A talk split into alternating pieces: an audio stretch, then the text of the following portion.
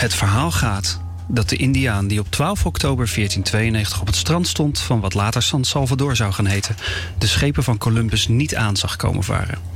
Hij zag alleen vreemde rimpelingen in het water, doordat hij zich een schip niet kon voorstellen. Mensen zijn zo sterk geconditioneerd dat ze alleen dingen kunnen zien die ze kennen en mogelijk achten. Zo luidt de moraal van het verhaal. We weten niet of het waar is, maar we weten wel dat het met de Indiaan slecht is afgelopen. In Schepen aan de Horizon praten we over de vreemde rimpelingen die we zien in de hedendaagse economie en samenleving. Van second machine age tot ludisten en van octrooiuitdelingen tot gratis geldstortingen. Van alles passeert de revue. En steeds vragen we ons af: wat zien we hier eigenlijk? En vooral, wat zien we niet, maar komt wel recht op ons af?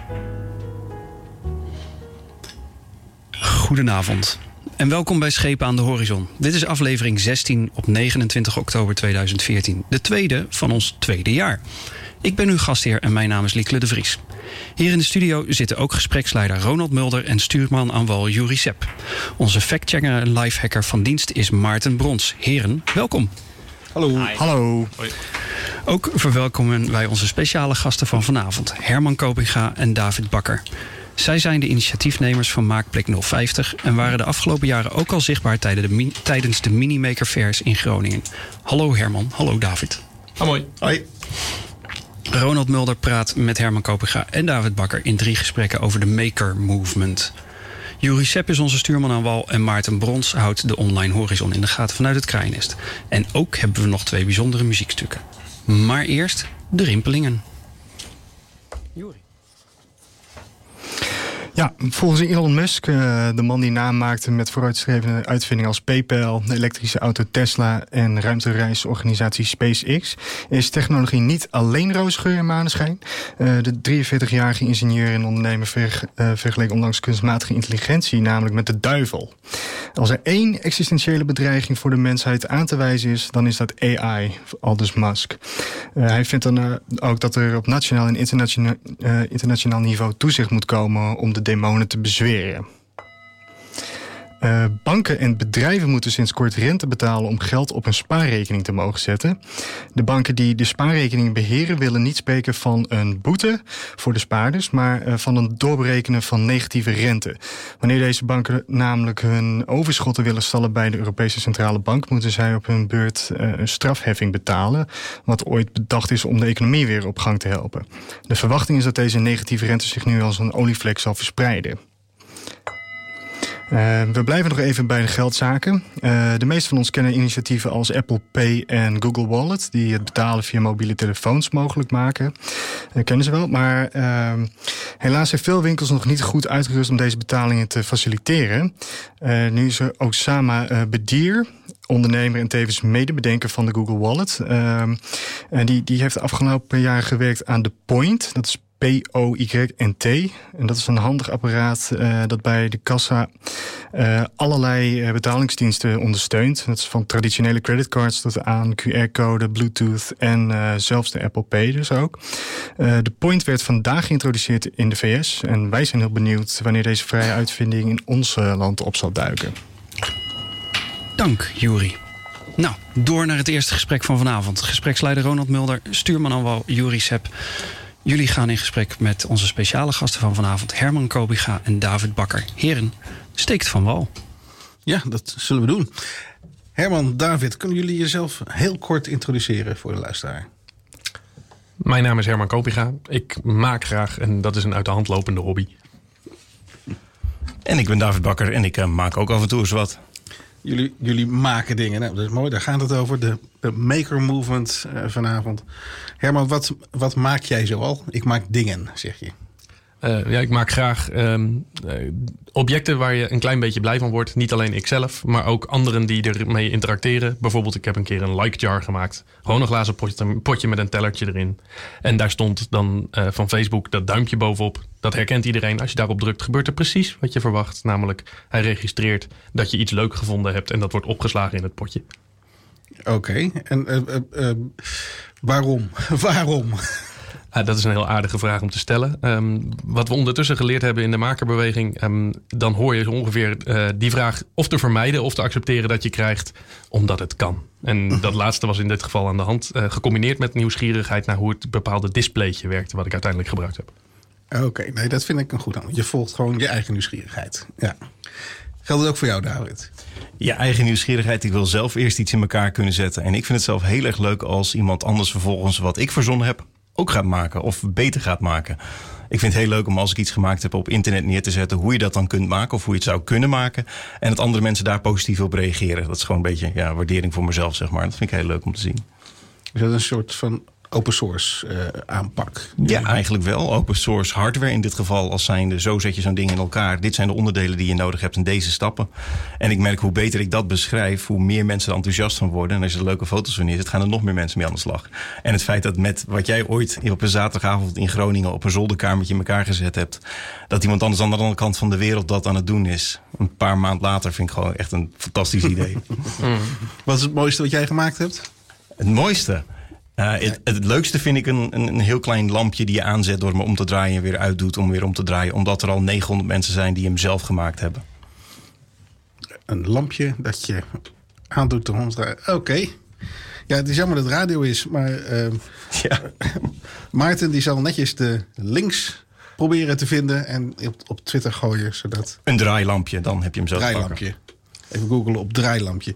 Um, Lieke zei het al in de inleiding net. Jullie zijn de initiatiefnemers van uh, Maakplek 050.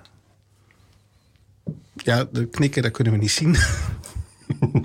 wat, wat is dat, Maakplek 050? De Maakplek is een uh, plek waar je, eh, die we gezamenlijk willen betalen met een aantal makers. Uh, allemaal van die hobbyisten die uh, de, wiens hobby inmiddels uit de hand aan het lopen is.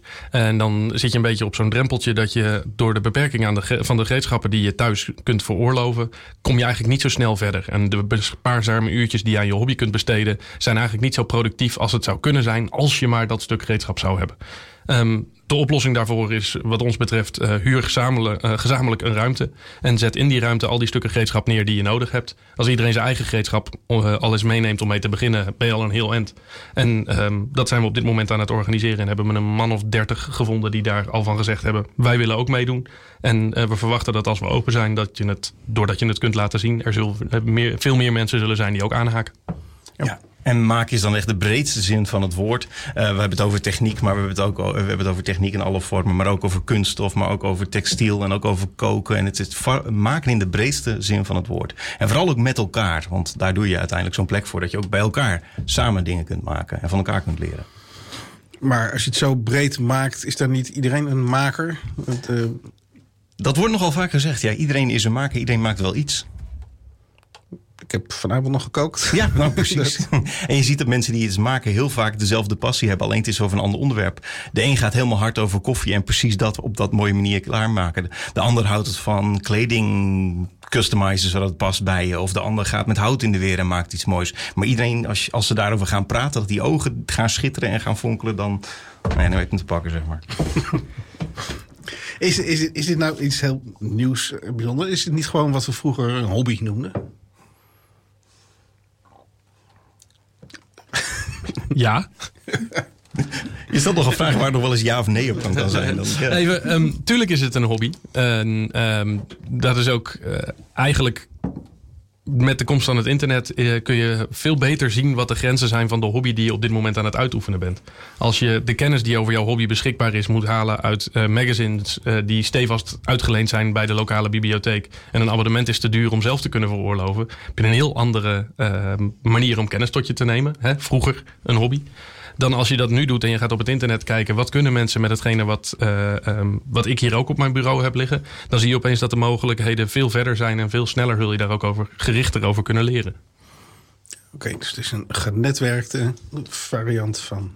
Ja, en het grote verschil is dat je nu ook mensen kunt vinden die precies net dat ene gekke dingetje wat jij leuk vindt, dat zij dat toevallig ook leuk vinden. Vindt die normaal maar eens. Maar ja, nu zit er toevallig iemand ergens in uh, Australië die met hetzelfde probleem, met hetzelfde ding op hetzelfde moment zit te klooien. Ja, en dan kan je elkaar nu vinden en her verder helpen. En dat is het mooie van nu natuurlijk.